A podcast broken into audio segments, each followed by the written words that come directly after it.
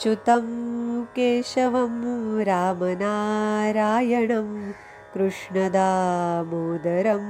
वासुदेवं हरिं श्रीधरं माधवं गोपिकावल्लभं जानकीनायकं रामचन्द्रं भजे अच्युतं केशवं सत्यभामाधवं माधवं श्रीधरं राधिकाराधितम् इन्दिरामन्दिरं चेतसा सुन्दरं देवकीनन्दनं नन्दनं सन्दधे।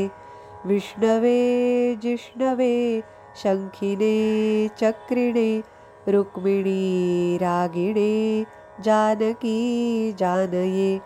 वल्लवी वल्लभायार्चिता यात्मने कंसविध्वंसिने वंशिने ते नमः। कृष्णगोविन्द हे रामनारायण। श्रीपते वासुदेवाजितश्रीनिधे। अच्युतानन्त हे माधवाधोक्षजद् द्वारकानायकद् द्रौपदी रक्षक राक्षसक्षोभितः सीतया शोभितो दण्डकारण्यभू पुण्यताकारण। लक्ष्मणेनान्वितो वानरैः सेवितो गस्त्यसम्पूजितो राघवः पातु मां। धेनुकारिष्टको निष्टकृद्वेषिणां केशिहा कंसरुद्वंशिकावादकः पूतनाकोपकः सूरजाखेलनो बालगोपालकः पातु मां सर्वदा।